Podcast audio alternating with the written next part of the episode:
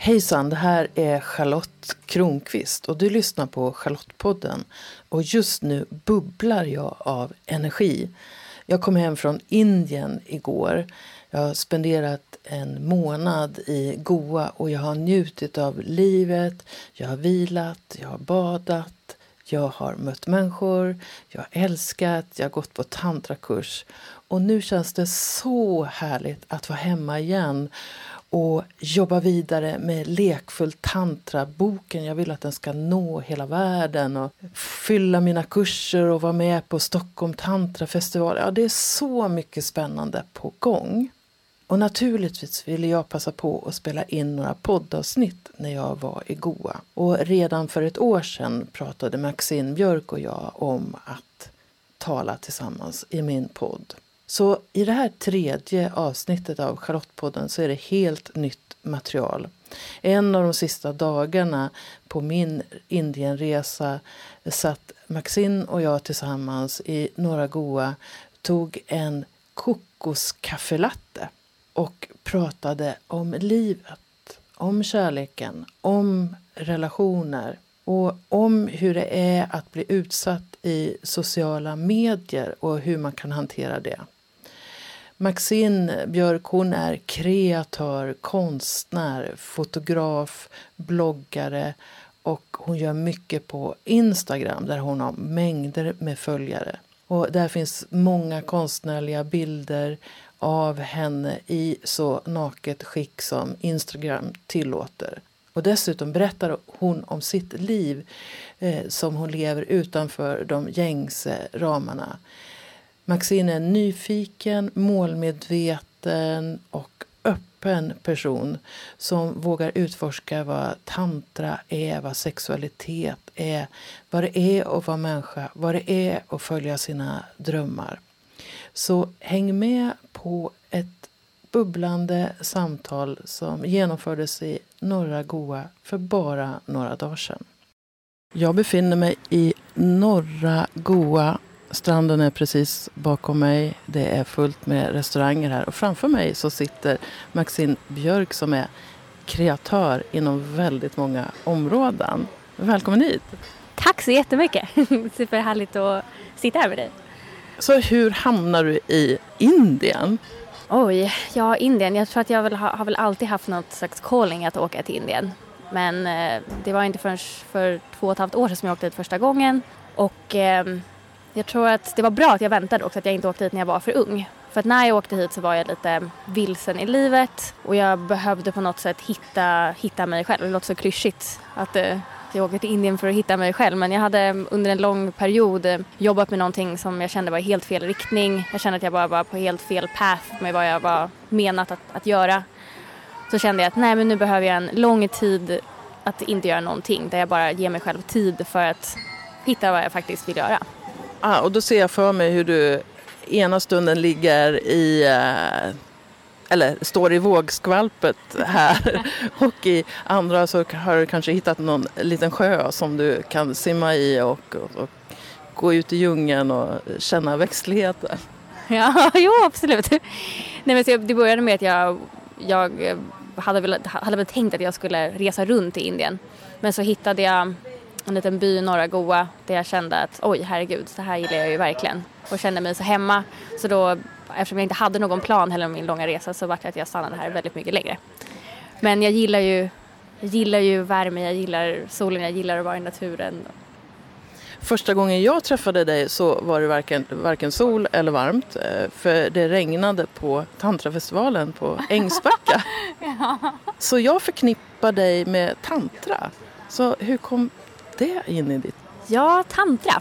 Den här frågan, det känns som att jag har svarat på den här frågan så många gånger hur det kom in i mitt liv men det var lite i samma veva som när jag, eh, som när jag åkte till Indien. Men det hela började väl med att, att jag träffade en, eh, en man som jag upptäckte kunde mer om min kropp än vad jag själv kunde. Varav jag kände att herregud, nu är det någonting som står helt fel här. Jag borde ju veta allting om min egen kropp och varför gör jag inte det? Det här är ju superkonstigt.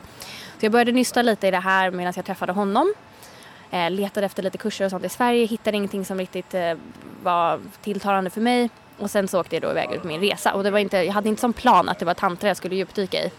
Men det kändes som att precis när jag anlände i Indien så bland det första som dök upp för mig var typ en tantrakurs. Så jag bara åh, men det är ju nu, det är ju nu, det är nu som är tiden som jag ska börja utforska det här.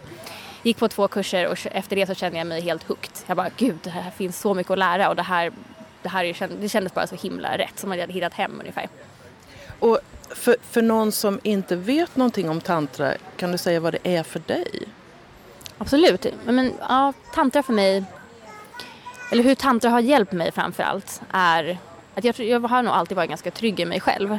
Men på något sätt så har tantra hjälpt mig att hitta en sån mer grundad trygghet i mig själv. Jag har liksom fått lära mig, jag har liksom lärt mig om alla olika spektran av mig själv. Såklart har jag inte lärt mig allt än för att det finns, det finns alltid kvar att lära. Men jag har liksom verkligen lärt mig om min kropp, jag har lärt mig om mitt eh, mind, hur jag fungerar som person. Jag har verkligen fått, fått tillgång att gå tillbaka i gamla trauman som jag varit med om i yngre ålder och fått jobba med dem och för att kunna releasa det, för att liksom kunna hitta, hitta den där trygga punkten i mig själv. Så kan man säga att du står mer stadigt på jorden idag? Det skulle man absolut kunna säga. nu står jag på två stadiga ben.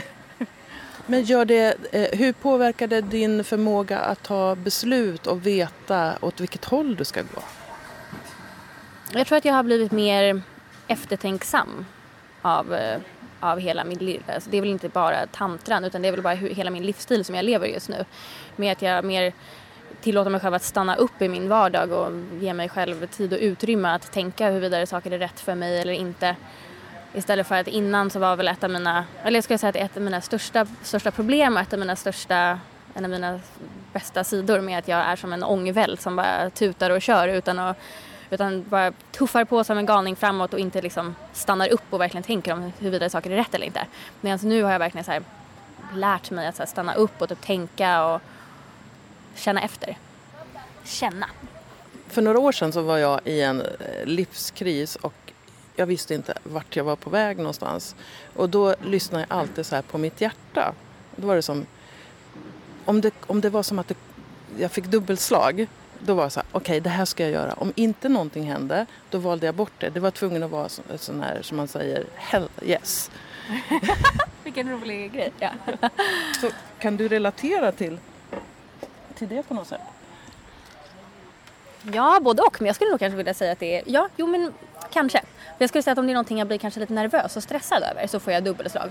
Och då, vet jag, då kanske jag kan känna efter att här, oj, men då är det kanske dit jag borde gå för att utmana mig själv, för att lära mig mer om mig själv.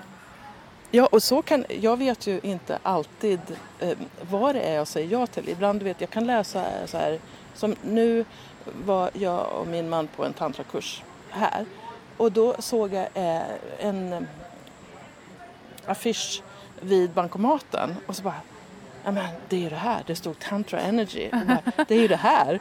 Eh, och jag hade letat efter någonting och jag hade gett upp. Jag tänkte, ah, shit det blir ingenting i år. Vi brukar göra en tantra-grej varje år. Så bara, there it is. Och, då, och, och för mig är det alltid lite läskigt, varje, även om jag har gjort det många gånger så blir varje ny sån här är ändå lite läskigt. Vad ska jag lära mig nu? Ja, jag tror att det är viktigt att bli lite nervös också. Om man bara känner sig helt lugn i alla situationer man är i, det är ju supertråkigt. Ingen energi. Nej, exakt. Man vill ju känna, kroppen känner efter att oj, nu är det någonting spännande, nu är det någonting som jag ska utsätta mig själv för. Men det här nya levnadssättet då som du eh, har valt, eh, det känns som att du är liksom mer i nuet nu och du kan tänka eh, mer, du, du bara springer inte. Hur har det påverkat ditt sätt att relatera till andra i allmänhet och även hur har det påverkat din relation till kärlek? Mm. Ja, alltså framförallt så tror jag verkligen att det, jag har verkligen hittat en, en livsstil nu som passar mig med att inte planera så himla mycket. Självklart så planerar jag ju saker också. Men jag tror att det här med att, med att leva i en och samma stad och ha en, en och samma rutin hela tiden och så det fungerar inte för mig för det gör inte mig ultimat lycklig. Det passar jättebra för vissa men alla är vi olika. Och jag tror att någonting som verkligen har fungerat för mig är att jag, jag är på någon plats i världen och jag lever jag grottar in mig i det tillfället och lever ut den perioden till fullo. Och sen så vet jag kanske inte riktigt vad som händer direkt efter det. Mm. Men att det är det som är charmen också med att så här, jag kanske åker till Kopenhagen, jag kanske åker till Bali eller kanske åker till Sverige eller någon annanstans i världen. Jag kanske träffar någon som gör att jag åker någon annanstans. Med att, med att kanske mer lita på att saker kommer till en än att här, ständigt söka efter någonting. För jag tror att innan hade jag jag är väldigt målmedveten och väldigt så här, med att jag kanske sätter upp massa milstolpar för mig själv att det här ska jag göra, det här ska jag göra, det här ska jag göra. Medan det tappar lite skärmen och så här, de här riktiga sakerna som kanske är menat för en inte kommer till ändå. Mm. Medan om man släpper det och bara lever i nuet så kommer saker till en istället. Och det är liksom sen, sen jag börjar släppa på mina hårda ramar för mig själv som saker verkligen har så här kommit serverat på silverfat nästan känns det som. Och det har väl, eh, vänta frågan var hur, hur det påverkar dina relationer och kärleken. Ja, alltså det har väl påverkat väl mina relationer med att jag överlag bara är mer närvarande i livet. Med allt jag gör så känns det som att jag är där här och nu och jag är i de relationerna jag är. Och ja, det påverkar ju såklart i relationerna med, med till exempel som att jag har jättenära relation med min familj och mina vänner hemma i Sverige. Och de kan jag ju omöjligtvis vara med. Utan hela tiden för de är i Sverige och jag har valt ett liv att inte vara i Sverige hela tiden. Så att det blir mer att när jag väl är med mina nära relationer så är det mer kvalitetstid på något sätt. Medan när jag är i Sverige så umgås jag jätteintensivt och jättehärligt med min familj och mina vänner där hemma. Så det blir liksom så här full on kvalitetstid. Och medan jag är ute och reser så umgås jag med mina vänner och mina kärlekar och vad, vad det nu är för någon relation. Det blir mer liksom kvalitet på något sätt med mina mitt umgänge. Och också någonting som är, som är viktigt är att innan har jag haft väldigt mycket problem med att säga hej då. Som jag har verkligen fått lära mig nu de senaste åren med att här, jag säger hej då till folk hela tiden. Eller för det första säger jag inte hej då utan jag säger vi ses snart. Men just det här med att det känns, man är liksom i varandras spiraler på något sätt i alla fall och det gör ingenting om man inte träffas hela tiden för att man finns med varandra hela tiden i alla fall. Och jag fattar det som att du har startat en ny relation också, kärleksrelation. Ja. Vill du prata? ja, jo men det vill jag väl. Ja, det är faktiskt super, super spännande. Det var kanske det, det minsta jag hade tänkt mig skulle ske i, nu i Indien i år. För när jag kom hit så var jag väldigt, jag kom hit i början på december, så var jag väldigt inriktad på att jag skulle ha fokus på jobb och vara kreativ och ha, jag hade några älskare när jag kom hit vilket jag tyckte kändes perfekt med att så här, jag träffade, träffade mina älskare lite då och då, typ sen några timmar per dag typ och fick energi av det. Men sen att så här, jag gick och la mig själv, var i min egen energi, vaknade upp, eh, var kreativ på morgonen, var, hade produktiv energi. Men sen så som en käftsmäll så ungefär precis efter nyår så var jag på ecstatic dance och jag hade, jag hade sett den här killen innan. Jag såg honom för två år sedan när han var här. Jag kommer ihåg att jag tyckte att han var väldigt, väldigt spännande. Men då hade han, var han i en relation och så var det ingenting mer med det. Så när jag såg honom i år så bara, åh men gud det här är den där snygga killen från, från två år sedan. och så kom han fram till mig lite grann på ecstatic dance och började så här, ja men sökte kontakt genom att dansa. Och sen så slutade det upp med att vi hade världens mest fantastiska kon, eller akrobatiska contact dance ungefär och bollade runt med varandra och låg och ålade på golvet tillsammans och det var verkligen helt magiskt och det slutade upp med att vi båda satt i, satt i varandras famn och låg och kramades och till och med kysste varandra. Och det var så himla fint, det var så ett himla så här, som ett himla ögonblick. och jag vet inte, sen så, jag vet inte, jag kände direkt att så, här, oj men gud det är någonting speciellt med den här människan för att det var verkligen någonting annorlunda än vad jag har känt på väldigt länge. Och redan så här första dejten vi hade så träffades vi och käkade och sen så gick vi hem till honom och satt och pratade i flera timmar och det var helt magiskt. Och sen slutade det upp med att jag sov där. Vilket jag verkligen aldrig gör. Jag, jag, det, är en, det är en typisk här grej med jag, de senaste åren så har jag kommit fram till att jag inte riktigt gillar att sova med människor. Jag föredrar att sova i min egen energi. Det blir som att jag laddar om min dag, jag är med mig själv och så vaknar jag med liksom min full power dagen efter. Så att sova med någon så blir det liksom lite uppmixat på något sätt.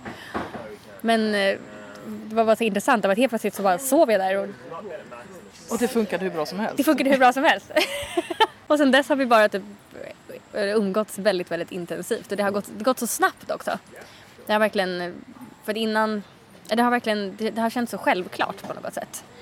Och Känner du att du kan vara dig med honom? Ja precis, det är det som jag verkligen känner och som jag inte har känt på länge. För jag tror att de senaste relationerna jag haft jag var tillsammans med en, kille, en fransk eh, kille on och off under ett och ett halvt år. Det kändes som att han, han hade ganska mycket saker som han typ hade synpunkter på mig hela tiden. Saker som han ville typ ändra på lite grann och han accepterade inte helt min fulla sexualitet och att jag var väldigt så öppen och att jag, eh, ja men det var väldigt mycket som han hade synpunkter på. Så jag kände hela tiden att jag kanske behövde ändra på mig lite grann. Medan det känns så himla befriande att träffa någon som verkligen så här, han bara älskar allt vad jag gör och tycker att allt är så övermäktigt och verkligen är sån himla så här, supersupport. Så jag känner, att, jag känner att jag kan vara mig själv till hundra procent. Och jag känner att det är ömsesidigt från han också. Det, är verkligen, det känns bara som, så, så självklart, så naturligt. Så det känns så rätt bara. Det är så häftigt att se dig när du berättar det här för att det blir mer energi i hela dig.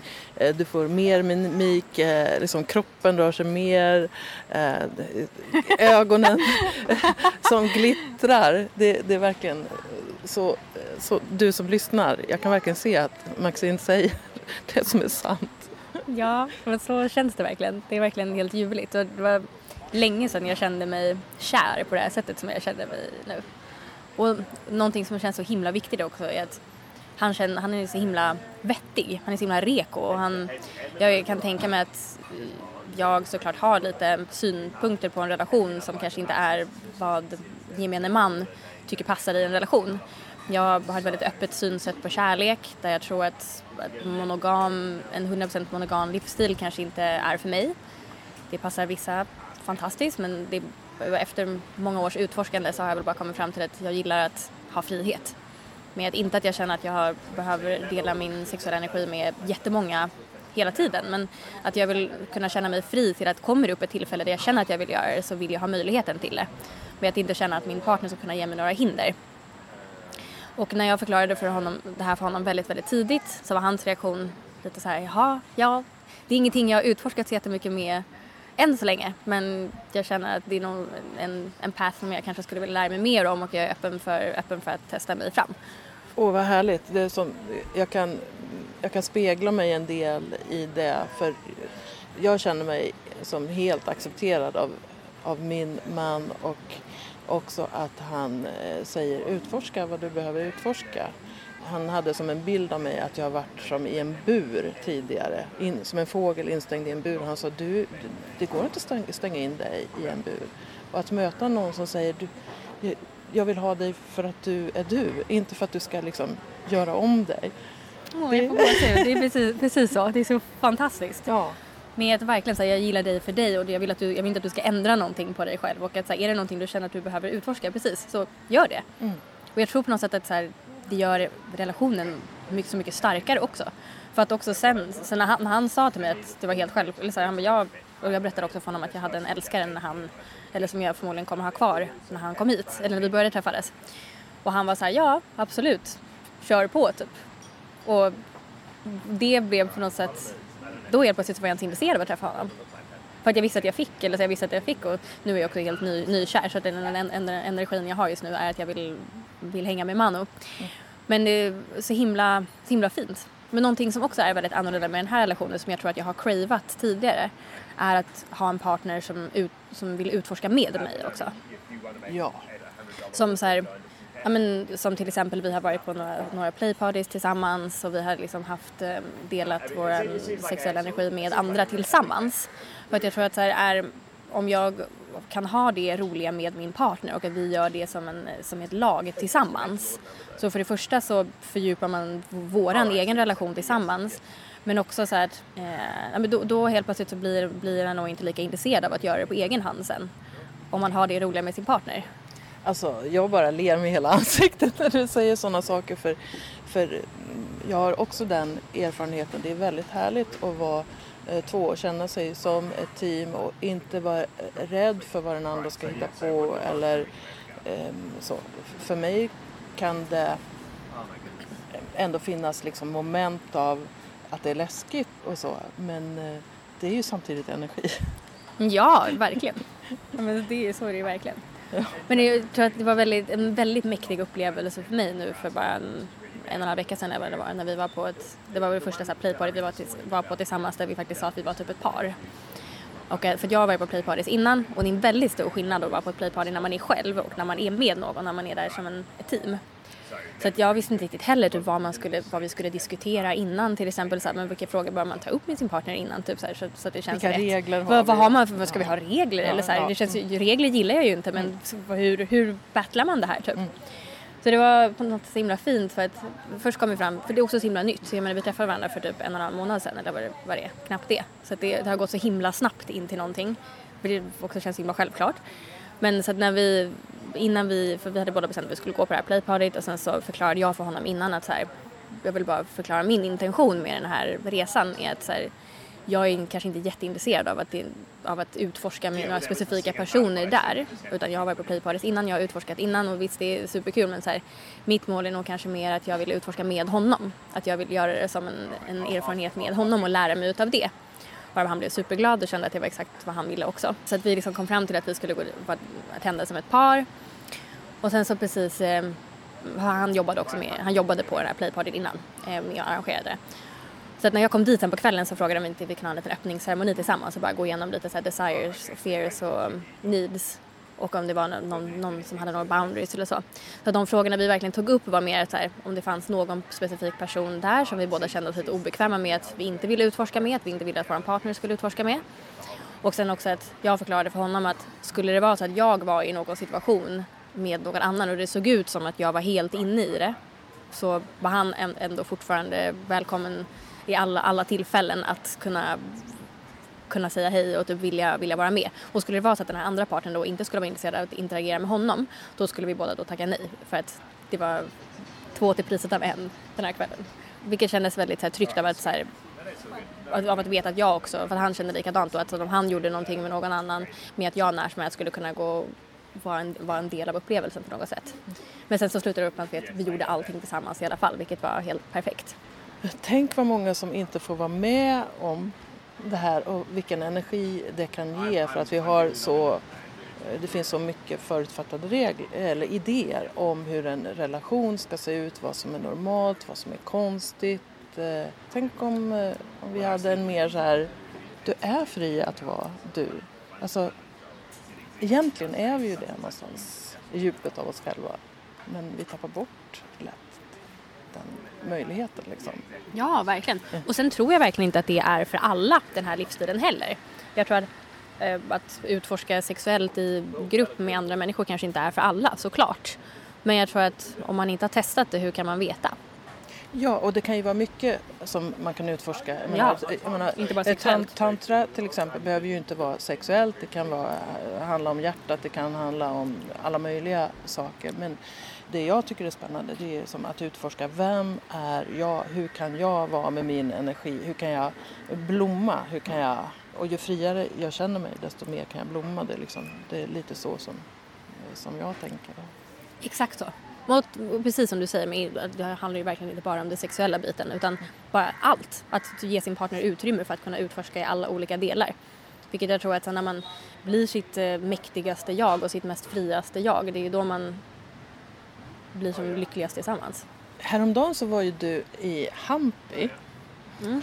och jag var där för ett par år sedan så jag vet ju det fantastiska. Det är, det är ett landskap som är osannolikt med massa stora stenbumlingar som ligger överallt och det är massa gamla tempel och det finns mycket historia eh, och så. Väldigt mycket att se där. Och jag tänkte, du var där och liksom jobbade. Vad var det du gjorde?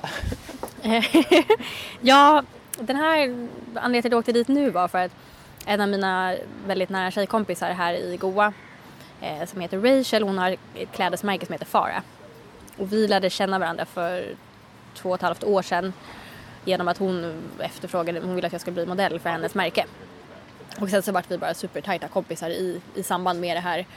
Och att eh, hon har haft en dröm jättelänge att hon vill göra en, en stor plåtning, en så här, I mean, en en stor editorial i Hampi med mig och hennes eh, andra här, huvudmodell.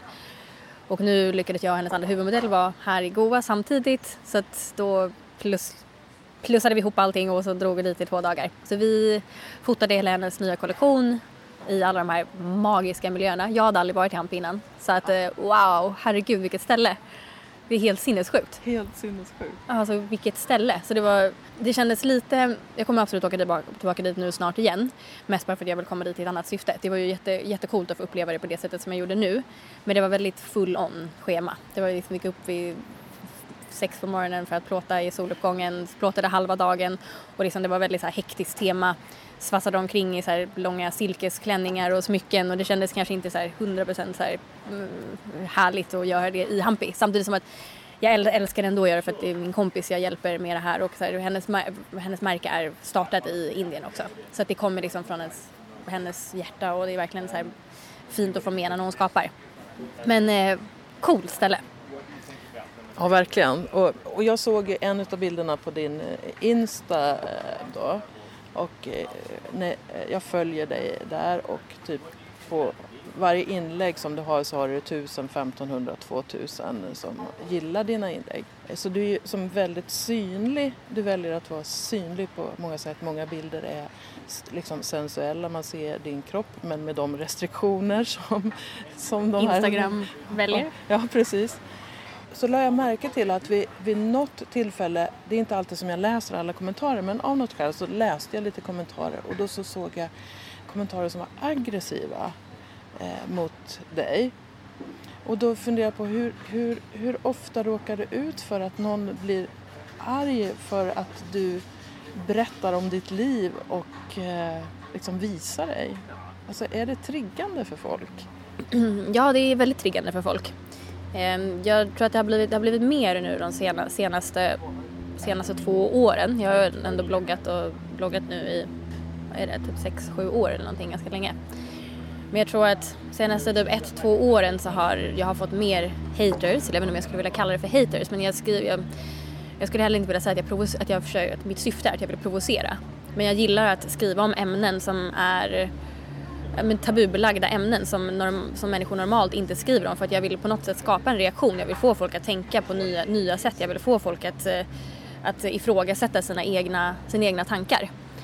Och ju, i och med det så förstår jag ju att det, det väcker, väcker känslor hos andra människor som gör att folk vill uttrycka sig. Men det är spännande. Så jag får ju samtidigt helt fantastiska kommentarer också. Så att, och jag, när man skriver om, om de typerna av ämnen som jag skriver om så förväntar jag mig också att jag ska få lite negativa kommentarer. Hur hanterar du då när det kommer, eh, det är ju människor som tänker jag, som inte känner dig, som har en ytlig bild av dig. På något sätt har de ju blivit berörda av dig. Men alltså hur, hur hanterar du hur känns det i, i dig? Kan du liksom bara så här, vara som en anka som bara skakar av dig dropparna eller liksom, hur gör du? Ja, men alltså jag tror att jag har blivit ganska bra på att skaka av mig. För om jag skulle ta till mig allting negativt som folk skriver så, så är det klart att det, ja, då hade man ju inte mått bra. Så att jag tror att jag har lärt mig att liksom skaka av mig det och inte ta det personligt. Jag förväntar mig att jag ska få de här typen av kom kommentarerna. Det var väl vid ett tillfälle, typ för ett halvår sedan ungefär, nej lite mer, där jag fick där jag skrev om ett inlägg gällande menstruation. Och då fick jag väldigt mycket negativa kommentarer. Men då, jag, jag lyckades hamna på någon slags eh, Donald Trump-forum eh, i USA. Eh, så att det var, jag kom in på min Instagram och då hade jag fått typ så här, tusen nya kommentarer med folk som tipsade om hur jag skulle gå och hänga mig själv och hur jag skulle ta livet av mig och det blev lite för mycket för mig. För att så här, absolut, du behöver inte tycka som mig. Eh, och det är heller inte mitt syfte med varför jag skriver om de här ämnena jag skriver om. Utan jag tänker inte att, att mina läsare ska vakna upp dagen efter och göra likadant som jag gör. Utan jag vill bara visa att så här lever jag. Jag lever ett altern en alternativ livsstil. Det passar väldigt bra för mig. Du behöver inte göra likadant men försök tänka, tänka utanför dina ramar och eh, testa nya saker. Och att folk får gärna skriva att de inte håller med mig men att, här, men att få, få, försöka få en få, eller ge tips om hur någon ska ta livet av sig och att man inte borde få skaffa barn för att man inte ska få ge vidare sina värderingar.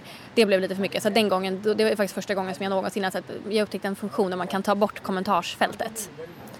För att det blev, det blev lite för mycket bara med den grejen.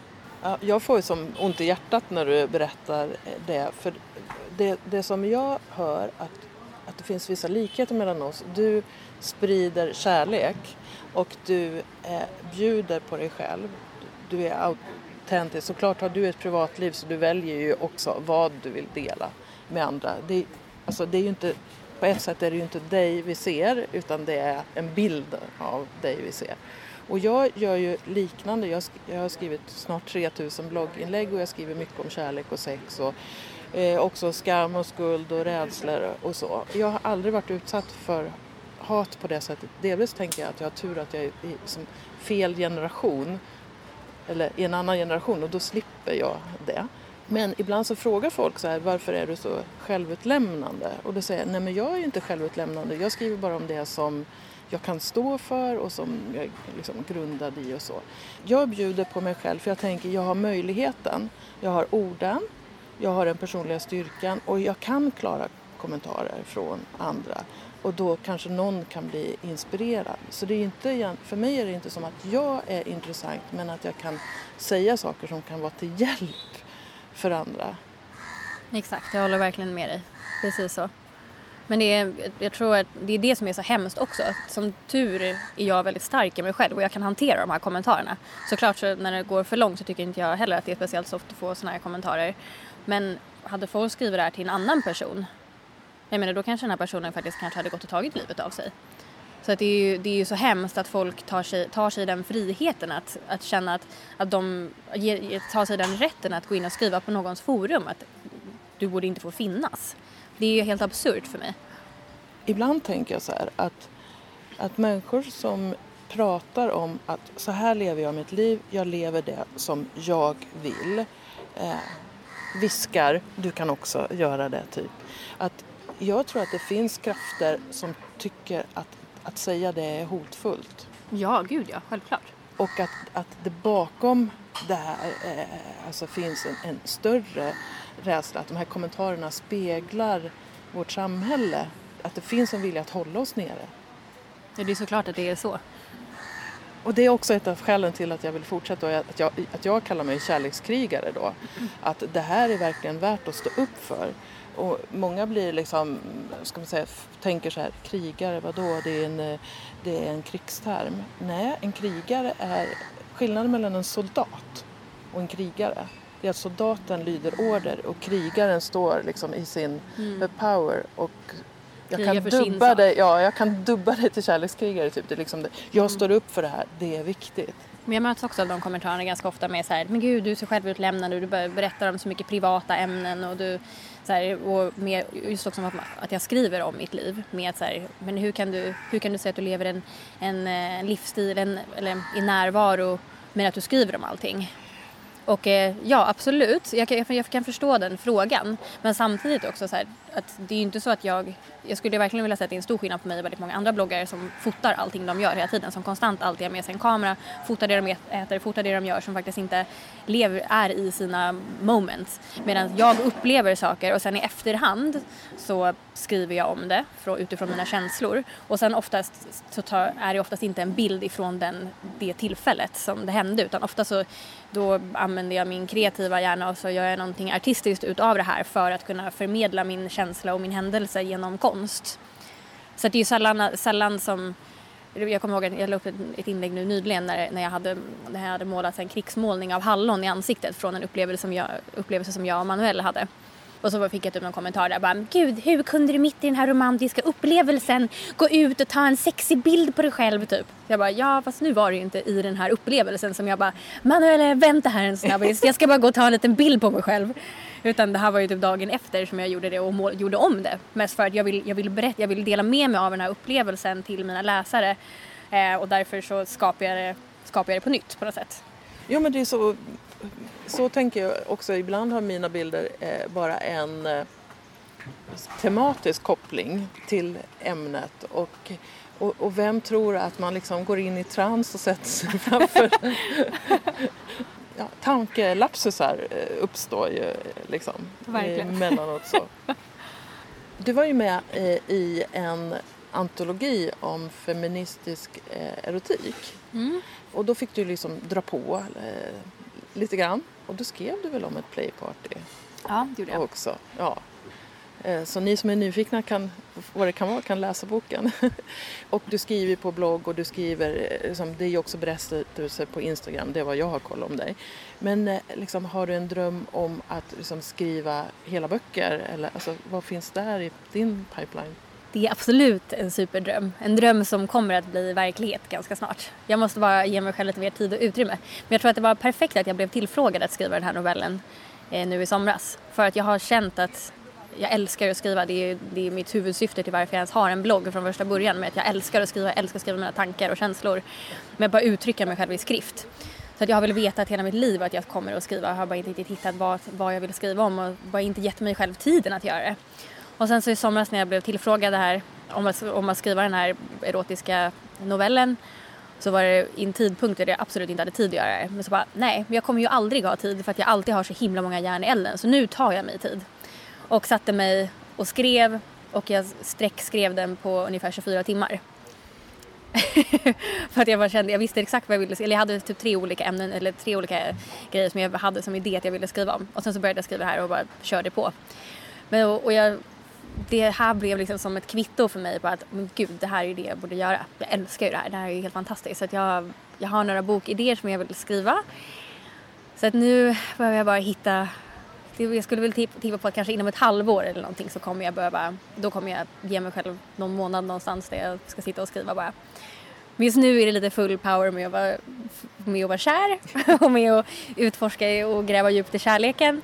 Sen under sommaren så har jag och min eh, businesspartner Charlina vi har en tantraturné som kommer uppta väldigt mycket av min tid så att när det har svalnat ner lite grann då ska jag skriva mer. Du kanske kan få inspiration av er tantraturné också. Ja. Allt inspirerar alltid. Ja, precis. Det var ju med Charlina som jag mötte dig första ja, gången. Exakt. Och då hade jag träffat henne här i Goa innan och gått en kurs med henne och hennes dåvarande partner. Dåvarande partner. Mm. Mm. Alltså jag tycker, sånt här tycker jag är så häftigt, den här eh, spiralen. Igår så var jag ute och gick med två, två vänner från Stockholm, så, eller från Sverige som heter Theo och Annie. Och då sa Theo så ja men eh, Annie vet ju vem Maxine är, de träffades i sammanhang tidigare. Bara, liksom Såklart! Ja, ja men det, jag tycker det är så superhärligt. Om du möter någon som tänker så här, nej men jag kan ju inte leva mitt eh, drömliv, det är liksom, jag är ju bunden vid allting. Vad, vad, tänker du skulle kunna vara så här, ett första steg en sån person ska eh, kunna ta? Det kanske är något i mindsetet eller någon liten handling den personen skulle kunna göra för att liksom ändå säga så här, ja men jag väljer mitt liv. Ja, att inte se saker som problem och att se saker som lösningar. Och att försöka tänka att allt löser sig. Med att jag vet att så många, mångas reaktion på min livsstil är så här, ja men jag har ju min lägenhet hemma, jag har mitt jobb hemma och ja men hyr ut din lägenhet i ett halvår då. Ta tjänstledigt eller säg upp det, herregud, jag menar när du, du kommer tillbaka sen efter, du kommer ju hitta ett nytt jobb. Utan så här, våga, man behöver ta lite risker, man behöver våga för att också göra någon slags förändring i sitt liv. För att om man fortsätter göra likadant som man alltid har gjort så kommer du fortsätta få samma resultat. Utan... Som Einstein sa. Sa han så? Ja. ja. ja. men det är många som har sagt det. Jag älskar vad heter, Kjell Enhager också, han är helt magisk. Om du inte har lyssnat på honom så lyssna på honom. Man behöver göra drastiska förändringar, man behöver utmana sig själv och så här, verkligen se inte saker som problem. Ja, du har en lägenhet hemma, fantastiskt, ja, men hyr ut den. Du, du, våga, ut och testa på nya saker. Och man kommer ju självklart att stöta på problem och man kommer själv, jag menar det är inte som att eh, allt har varit en dans på rosor dit jag är idag och jag stöter fortfarande på en massa problem hela tiden. Men då får man bara lösa det. Och saker går att lösa lika bra utomlands som ifrån Sverige. Och sen kanske inte det är den här personens dröm heller att just resa utomlands utan man kan ju göra väldigt många förändringar bara av att vara i Sverige och i den staden man är ifrån. Så våga lite mer. Ja. Tack för att vi fick den här stunden tillsammans Maxine. Ja, men tack själv, det var super, super härligt. Jätte, jättehärligt att sitta här och prata med dig. Jag skulle kunna sitta i tre timmar till och prata. Hur lever du ditt liv? Tar du också risker? Och vad är egentligen en risk? Och vad är det som är farligt? Andra skulle säkert kunna säga att jag har tagit många risker i mitt liv. Jag har tagit massor med beslut. Jag sa till exempel upp mig för många år sedan från ett välbetalt och tryggt fast jobb till att bli frilansjournalist. Och nu har det gått mer än 30 år sedan jag hade ett fast jobb. Och jag får bara göra roligare och roligare saker hela tiden. Jag tycker att mitt liv är magiskt. Och en av de saker jag tycker är fantastiskt är att det finns en koppling mellan hur trygg jag är i mig själv och hur jag uppfattar mitt liv. Det finns människor som säger, men hur kan du åka till Goa i fem veckor? Jo, för att jag har skapat ett liv som har gjort det möjligt.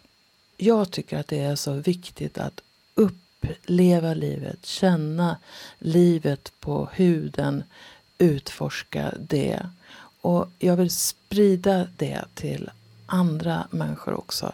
Det är därför som jag bloggar, det är därför som jag skriver böcker, det är därför jag poddar och det är därför jag också har skapat Lekfull tantra.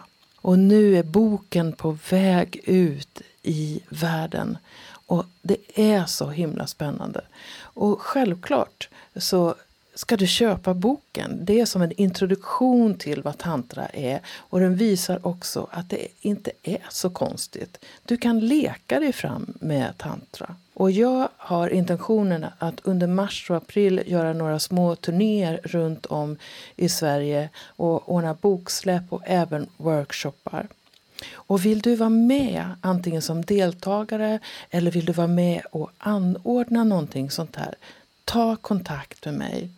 Det är tid att samskapa nu.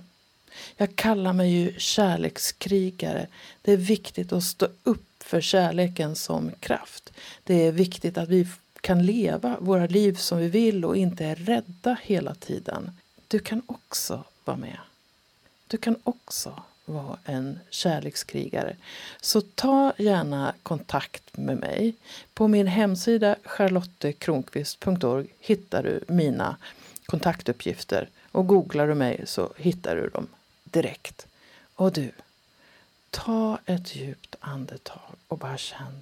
Jag är här just nu. Jag lever.